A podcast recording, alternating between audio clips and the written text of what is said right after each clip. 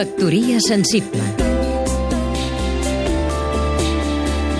Sergio Vilasanjuan, periodista cultural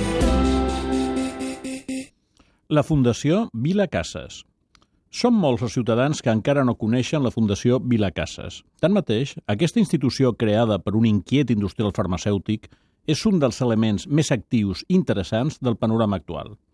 Consagrada principalment a les arts plàstiques, s'ha dedicat a recuperar tota una línia de l'art català recent que altres museus i centres ignoraven.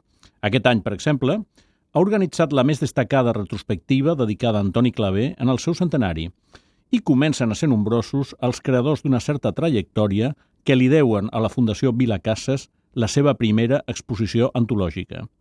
Avui els recomanaré la visita a un dels seus centres, l'Espai Volart, en un edifici modernista del carrer Ausias Marc, número 22. En aquests moments allotja dues precioses exposicions, dedicades a Lluís Marsans i Xavier Valls, tots dos pintors figuratius d'altíssim nivell, creadors d'ambients intimistes, elegants i refinats, personatges d'alta cultura europea, que han cregut en l'ofici i en el poder de la bellesa, i potser per això no han format part del panteó artístic oficial contemporani.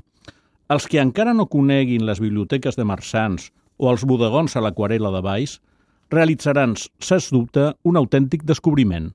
Poden veure'ls fins al 15 de desembre en l'espai volar de la Fundació Vila Casas. Factoria sensible Seguim-nos també a catradio.cat